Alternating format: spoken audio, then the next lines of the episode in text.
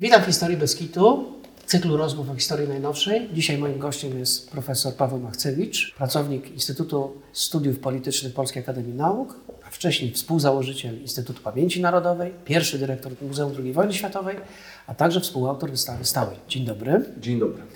Chciałbym z Panem porozmawiać o pewnym wydarzeniu w dwudziestoleciu międzywojennym, które troszkę chyba w międzyczasie zostało jakby zapomniane, poza oczywiście gronem specjalistów, historyków. Chodzi oczywiście o wojnę domową w Hiszpanii. Czy możemy traktować tę wojnę jako przykład takiej właśnie proxy war, albo pierwszej może proxy war, czyli takiej wojny zastępczej między krajami faszystowskimi a Związkiem Radzieckim? Do pewnego stopnia na pewno tak, ponieważ z jednej strony mieliśmy trzecią Rzeszę i Włochy, czyli państwa faszystowskie, które wspierały obóz rebelii, czyli obóz frankistowski, obóz narodowy, w zależności od tej, tego, jaką terminologię będziemy stosować. A z drugiej strony Związek Radziecki, który wspierał przede wszystkim dostawami broni Republikę. Ale to jest tylko część tego konfliktu, jeden z wymiarów. Ten konflikt miał przede wszystkim źródła wewnętrzne. To był bardzo gwałtowny konflikt, narastający zresztą od dziesięcioleci między obozem hiszpańskiej prawicy, obozem konserwatywnym, którego część istotną stanowił Kościół katolicki, a z drugiej strony między siłami, nazwijmy to liberalnego centrum, ale przede wszystkim obozem lewicy, który też był wewnętrznie zróżnicowany. I jeżeli popatrzymy na tę wojnę z bliska, no to okaże się, że z kolei po stronie republikańskiej występował bardzo silny konflikt między komunistami wspieranymi przez Związek Radziecki, a najbardziej masową częścią lewicy, czyli socjalistami i anarchistami. Czyli im bliżej tej wojnie się będziemy przyglądać, tym no, wszelkie właściwie stereotypowe, uogólniające ujęcia będą się okazywały albo nieprecyzyjne, albo wręcz mylące.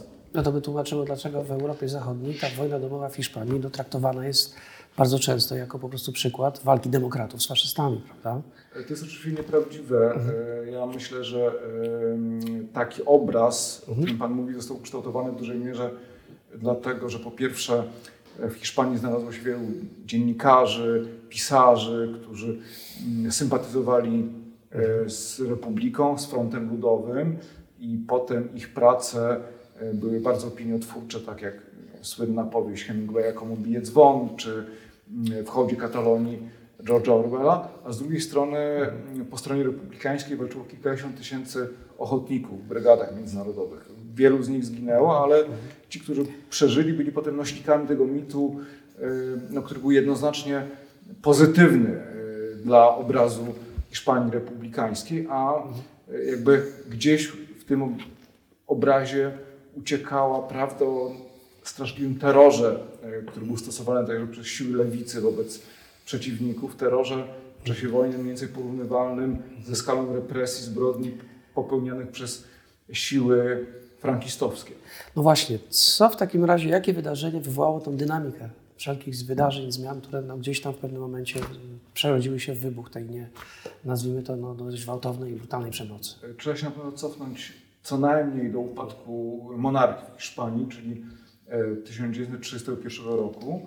I potem te pięć lat, które dzieli ten moment od wybuchu wojny domowej, to jest okres rządów kilkuletnich centrolewicy hiszpańskiej i prób głębokiej, radykalnej reformy państwa, życia społecznego, gospodarki. To prowadziło także do próby ograniczenia znowu radykalnego obecności Kościoła katolickiego w życiu publicznym, reformy rolnej i to napotykało na bardzo silny opór grup uprzywilejowanych, konserwatywnych, samego Kościoła. Dochodziło do prób zamachów stanu wojskowych przeciwko rządom lewicowym.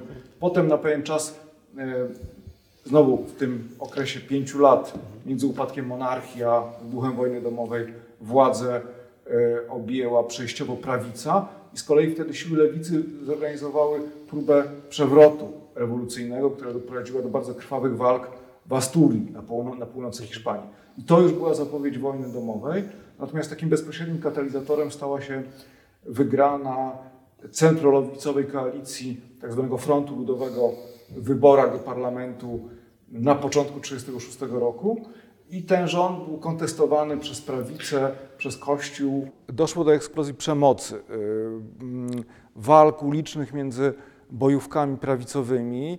Y, Tutaj falanga, partia faszystowska zaczęła odgrywać bardzo istotną rolę, a z drugiej strony bojówkami y, socjalistycznymi, anarchistycznymi i y, w, takich warunkach destabilizacji doszło do kolejnej próby przejęcia władzy przez armię. Czy mogę tak zadać pytanie a propos tych wyborów? Czy wspomniał Pan, że one były kontestowane? Czy, czy można mówić o tym, że te wybory były w jakiś sposób zmanipulowane? Czy wynik był raczej, że tak powiem, uczciwy? One były kontestowane, ponieważ Hiszpania była już wtedy tak głęboko spolaryzowana, że po zwycięstwie Frontu Ludowego e, druga strona de facto nie chciała uznać prawomocności tej władzy. E, Kontestowała to zwycięstwo dla, także dlatego, że ze względu na ordynację wyborczą, przy stosunkowo niewielkiej różnicy, jeśli chodzi o głosy oddane na prawicę i na Front Ludowy, to była różnica kilkuset tysięcy głosów, to e, ostatecznie Front Ludowy odniósł przygniatające zwycięstwo. E, Krótko mówiąc, demokracja hiszpańska była w bardzo głębokim kryzysie. Była kontestowana z jednej strony przez prawicę, ale z drugiej strony także przez radykalną lewicę e, anarchistów, część socjalistów, którzy e, domagali się szybszych zmian i no, nie, nie zada- nie zadawalali się procedurami demokratycznymi. Także ten przewrót wojskowy, który rozpoczął się w lipcu 1936 roku, nie był właściwie niczym spo- niespodziewanym. On się wpisywał pewnym sensie w kulturę polityczną Hiszpanii. W poprzednich latach doszło do e, wielu podobnych prób przewrotów, e, tyle tylko, że nieudanych. E, Tym razem ten przewrót też właściwie wbrew intencjom jego twórców nie doprowadził do błyskawicznego zwycięstwa, ale do trwającej trzy lata niezwykle krwawej, brutalnej wojny domowej. Też właściwie można zakładać, że żaden, z generałów, którzy planowali ten przewrót, nie zakładał, że e, to wszystko tak będzie wyglądało. Mamy reakcję prawicy, tak, dość brutalną. Z drugiej strony właśnie bojówki, które też rozumiem, że kontestują porządek demokratyczny.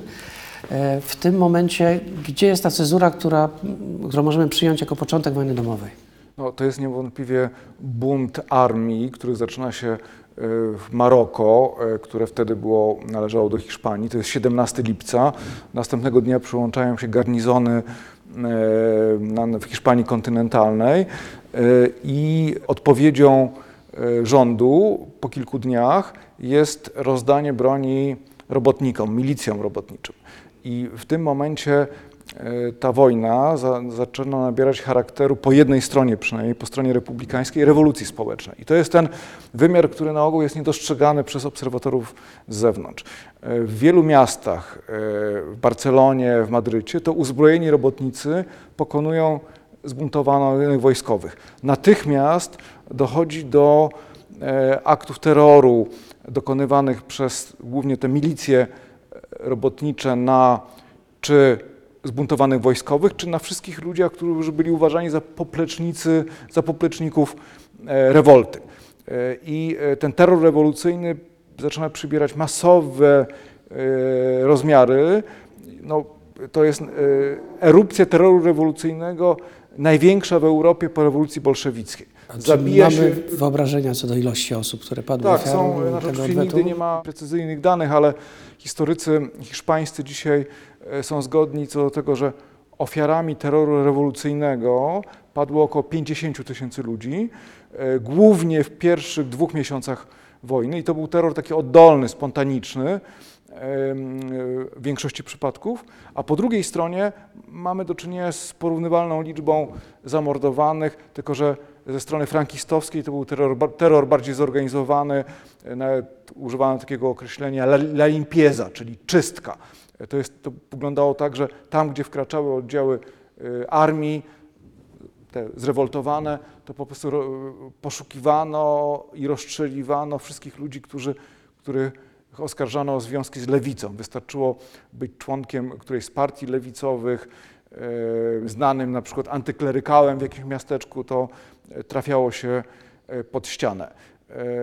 O ile jednak ten terror frankistowski no, był nagłaśniany w mediach w Europie Zachodniej przynajmniej, to ten terror lewicowy, on oczywiście był opisywany w Europie, e, w tej części mediów, które sympatyzowały z prawicą, z Kościołem, ale w dzisiejszym obrazie wojny on jest dużo mniej widoczny. Na przykład e, ta słynna książka W hołdzie Katalonii Orwella e, opisuje doświadczenia Orwella jako ochotnika w Katalonii, w jednej z milicji rewolucyjnych i właściwie e, trudno się z tej książki dowiedzieć, że kilka miesięcy wcze- wcześniej, zanim Orwell tam dotarł, e, zabijano na masową skalę na przykład księży. Zabito e, kilka tysięcy księży, także Czyli jego towarzysze broni byli de facto, że tak powiem, katami tych, tych księży. Prawdopodobnie. Orwell Bo to była chyba anarchistyczna bojówka, nie jestem już pewien, bo dawno To nie była anarchistyczna bojówka, to była bojówka radykalnej lewicy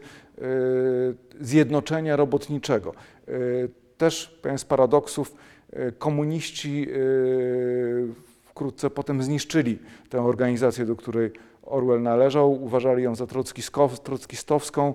E, Ona została rozbita, wielu jej członków zostało aresztowanych, a przywódcy zamordowani. To z kolei była taka zapowiedź, czy może odbicie tego, co się działo w tym czasie w Związku Radzieckim, czyli wielkiej czystki. E, Także e, wojna domowa to jest dobry przykład, żeby powiedzieć o tym, że wojna domowa miała wiele różnych poziomów. My dzisiaj poprzez Ofiary właśnie są mit, po obu stronach. e, prawda, Tak. wytworzony przez Hemingwaya czy Orwella, idealizujemy stronę republikańską.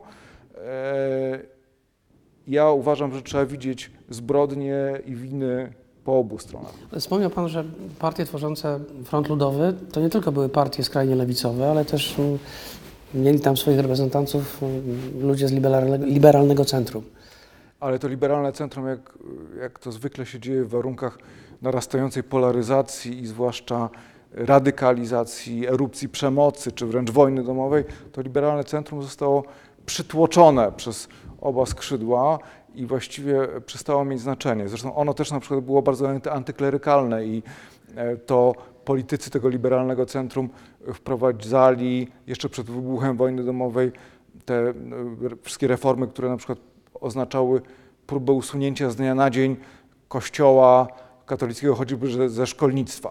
Ja nie chcę mówić, Ale że jest to nie były... księży ze szkół, a ich mordowanie, prawda? Tak, To oczywiście jest różnica, tak, tylko że jest- e, i nie chcę tego w żaden sposób zrównywać, tylko że e, na przykład te, ta próba usunięcia wpływów Kościoła z życia publicznego z dnia na dzień, ugruntowanych wpływów w ciągu poprzednich stuleci, no, antagonizowało to bardzo drugą stronę. Oczywiście, że można powiedzieć, że to jakby takie wpływy Kościoła katolickiego nie, nie, nie, jakby nie miały nic wspólnego z pewnym ideałem państwa demokratycznego, laickiego, ale próba osiągnięcia tego ideału e, jeszcze bardziej pogłębiała polaryzację, która doprowadzi, doprowadziła do wybuchu wojny domowej. No można domyślać się, że obie strony zaczęły szukać na zewnątrz sojuszników, prawda?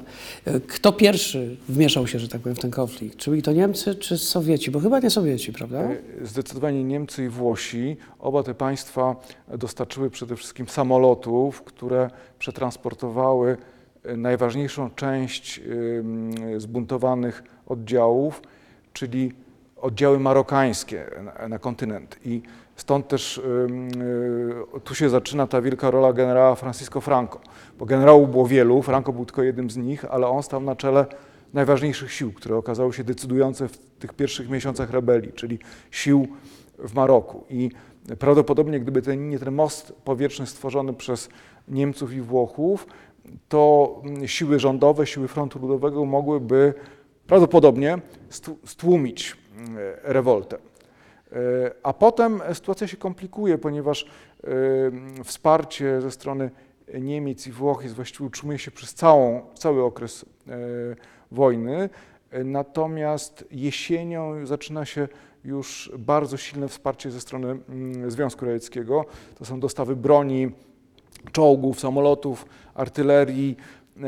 Kilka tysięcy radzieckich oficerów odgrywa rolę doradców, obsługuje czołgi, samoloty. E, Komintern, czyli międzynarodówka komunistyczna, rekrutuje w całej Europie, a właściwie na całym świecie pobyli też e, ochotnicy ze Stanów Zjednoczonych. Kilkadziesiąt tysięcy ochotników, którzy walczą w szeregach brygad międzynarodowych. Te brygady międzynarodowe zresztą okazały się bardzo e, ważną siłą e, w momencie, gdy realny był upadek Madrytu na początku listopada 1936 roku. Wtedy do walki właśnie wkroczyły pierwsze e, brygady, pierwsi ochotnicy z brygad. I oni powstrzymali nacierające siły e, nacjonalistów na przedmieściach Madrytu.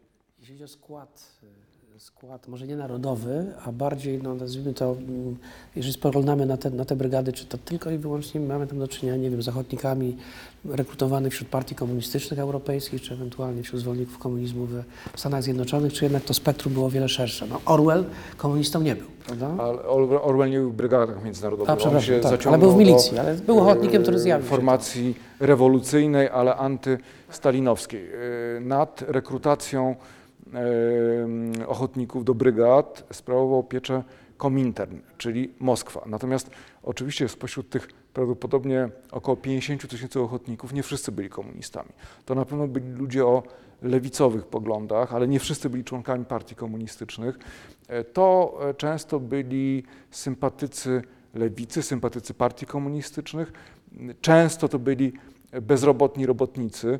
Na przykład jedną z głównych grup narodowościowych w brygadach byli Polacy. Było ich około 5 tysięcy. E, Zresztą ponad połowa z nich zginęła. I to byli w większości e, Polacy, którzy wy- wyemigrowali w poszukiwaniu pracy do Francji, niektórzy do Belgii. E, Straci, wielu z nich straciło pracę i no, uwierzyli w to, że toczy się w Hiszpanii walka z faszyzmem i się zaciągnęli. E, Zresztą wokół brygad międzynarodowych, e, wokół ochotników toczyła się w Polsce bardzo taka ożywiona debata. Ożywiona to jest za małe słowo, były próby ze strony prawicy przedstawiania brygadzistów jako odpowiedzialnych za zbrodnie komunizmu. Ja myślę, że to też jest nieprawda, że to byli po prostu młodzi idealiści, e, którzy uwierzyli, że toczy się w Hiszpanii walka z faszyzmem i ona do pewnego stopnia się toczyła, ponieważ częścią tego obozu rebelii, rewolty e, była falanga, czyli byli hiszpańscy faszyści.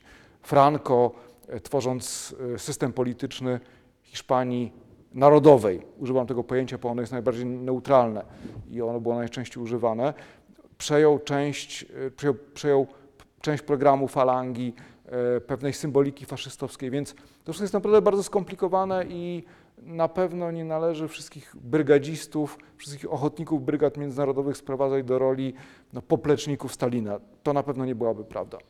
Tak trochę utożsamiamy tych ludzi od razu z generałem Świerczewskim, który takowym wysłannikiem był, prawda? Generał Świerczewski był po prostu radzieckim oficerem oddelegowanym e, do dowodzenia e, no, brygadami. Tam było wielu radzieckich oficerów, natomiast e, nie zapominajmy o tych e, szeregowych e, brygadzistach, którzy oddawali życie e, za e, swoje ideały, e, wierząc w to, że walczą o równość, o sprawiedliwość i e, wydaje mi się, że e, dostrzegając całą złożoność tamtej sytuacji i mówiąc o zbrodniach lewicy, też trzeba dostrzegać idealistyczne motywacje brygadzistów, którzy, e, których na pewno nie należy postrzegać jako komunistycznych zbrodniarzy. Czy Świerczewski był dobrym dowódcą? Dlaczego pytam? No bo jego zasługi w dowodzeniu drugą armią Wojska Polskiego w czasie wojny nie były zbyt wielkie, wprost przeciwnie, zarzuca mu się wytracenie wielu jednostek z tej, z tej, w tej wielkiej formacji. Jak to było w Hiszpanii? Bo zdobył sławę międzynarodową, dzięki Hem- Hemingwayowi oczywiście. Już wtedy e, krążyły takie opinie, że nadużywa alkoholu i że jest bardzo brutalnym dowódcą. E, Natomiast e, to wszystko jest bardzo trudne do rozstrzygnięcia, bo tak jak władze komunistyczne tworzyły, nazwijmy to, białą legendę Świerczewskiego, tak potem no, po upadku komunizmu to wszystko poszło w drugą stronę i Świerczewski był przedstawiany jako ten czarny charakter. Ja myślę, że e, na pewno nie była to świetlana postać, ale też nie możemy powiedzieć, że był jakimś beznadziejnym dowódcą. To, t- n- sądzę, że to byłaby przesada. Rozumiem.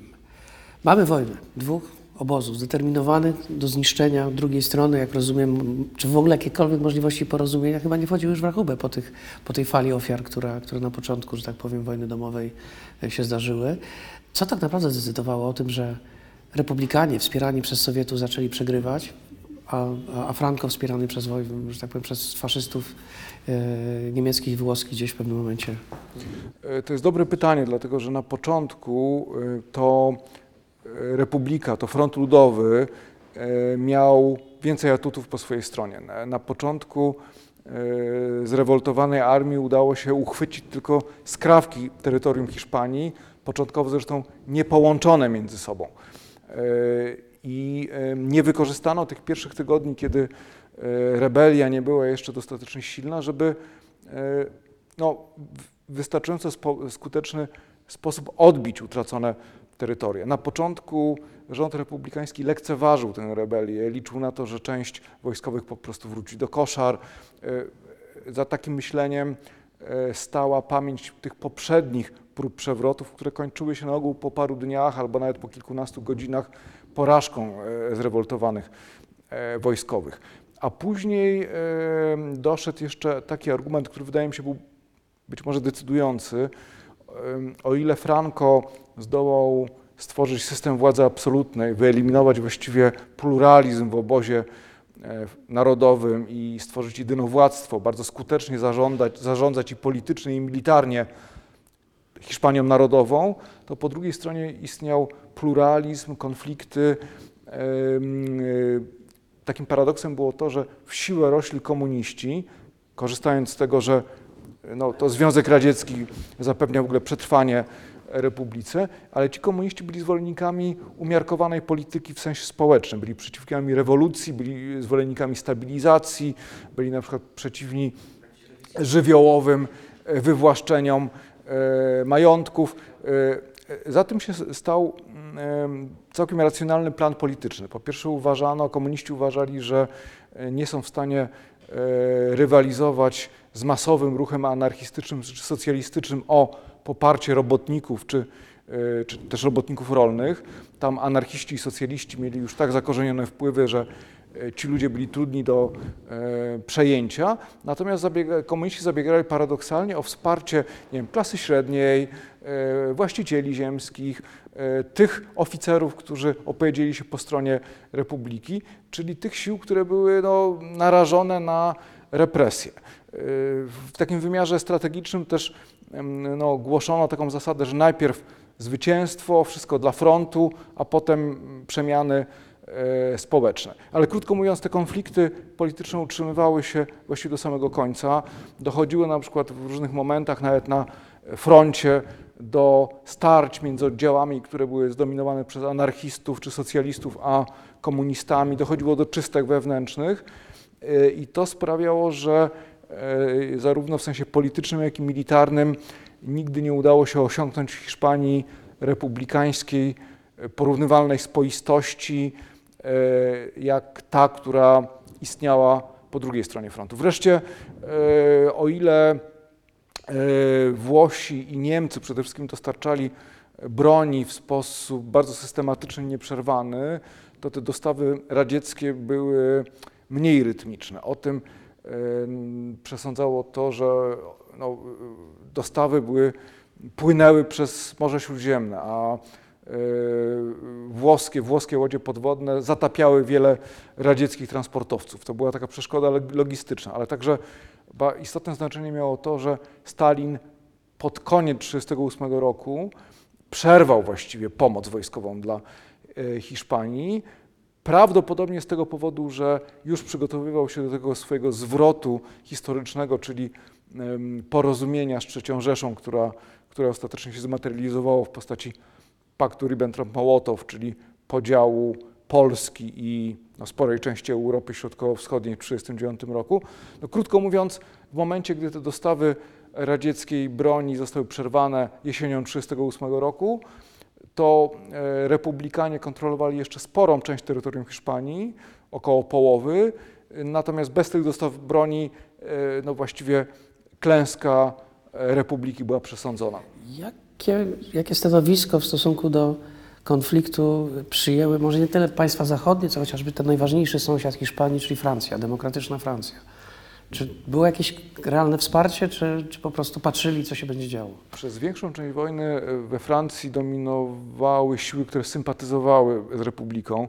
E, Francuzi mieli też rząd centrolewicowy Frontu Ludowego. E, Początkowo nawet doszło do pewnych dostaw broni z Francji dla republiki, ale przeważyła polityka nieinterwencji. Powstał Komitet Nieinterwencji, w którym główną rolę odgrywali Brytyjczycy i Francuzi i no, e, de facto oznaczało to przyglądanie się temu, e, co się dzieje za Pirenejami. E, Większa część e, opinii publicznej we Francji sympatyzowała e, z Republiką, ale e, no, żadna realna pomoc de facto nie następowała. E, Także to też e, pokazuje, że patrzenie na wojnę domową w Hiszpanii jako na preludium II wojny światowej nie do końca jest prawdziwe, ponieważ no, jeśli chodzi o II wojnę światową, to przeciwko III Rzeszy od początku walczyły demokracje zachodnie, Francja i Wielka Brytania. W tym przypadku te demokracje zachodnie były e, bierne, E, e, a pierwsza część II wojny światowej to jest z kolei sojusz Hitlera ze Stalinem, czyli tych sił, które walczyły ze sobą zażarcie w Hiszpanii. To wszystko było bardziej skomplikowane niż e, w takim standardowym spojrzeniu na wojnę domową w Hiszpanii. Po odcięciu dostaw sowieckich los republikanów był przypieczętowany. W pewnym momencie domyślałem się, że pada Madryt, pada Barcelona, prawda? Y, Pewnie jakaś partyzantka chyba się mogła jeszcze utrzymywać. Nie wiem, czy były jakieś ruchy partyzanckie, ale to chyba wszystko udało się w miarę szybko stłumić generałowi Franco. Y, Były próby mm, wznowienia walki zbrojnej, ale one następowały paradoksalnie nie bezpośrednio po zakończeniu wojny domowej w Hiszpanii, ale po klęsce państw osi e, II wojnie światowej.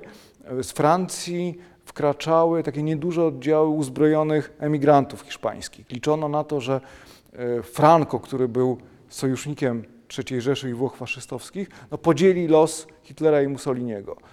Natomiast z różnych powodów, także dlatego, że zaczęła się wkrótce zimna wojna, demokracje zachodnie zgodziły, znaczy nie, nie doprowadziły do upadku Franco.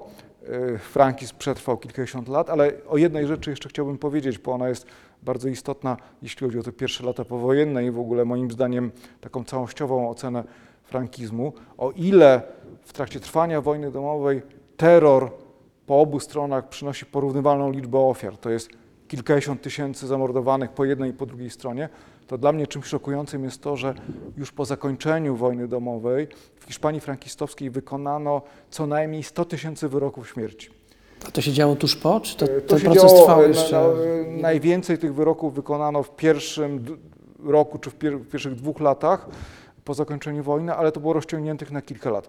Według ocen historyków hiszpańskich zamordowano, na, nawet jeżeli to było po jakimś quasi, quasi, quasi procedurze sądowej, no, zamordowano, to jest adekwatne słowo, rozstrzelano od 50 do nawet 100 tysięcy ludzi y, których y, no, w, nie, w niektórych przypadkach udowodniono im y, odpowiedzialność za zbrodnie, za, to, że byli częścią, byli na przykład milicjantami w tych bojówkach robotniczych, które zabijały przeciwników, ale niekiedy to byli ludzie, którzy po prostu byli żołnierzami armii republikańskiej. Także y, takiej skali terroru y, w Europie w warunkach pokoju nie było w żadnym innym kraju mm, po e, no, poczynając od lat 30., 40. e, naszego wieku. Wyłączam oczywiście II wojnę światową. No, oczywiście terror ten taki fizyczny pewnie w pewnym momencie się skończył lub ograniczył, ale no, oczywiście demokracji długo w tym kraju nie było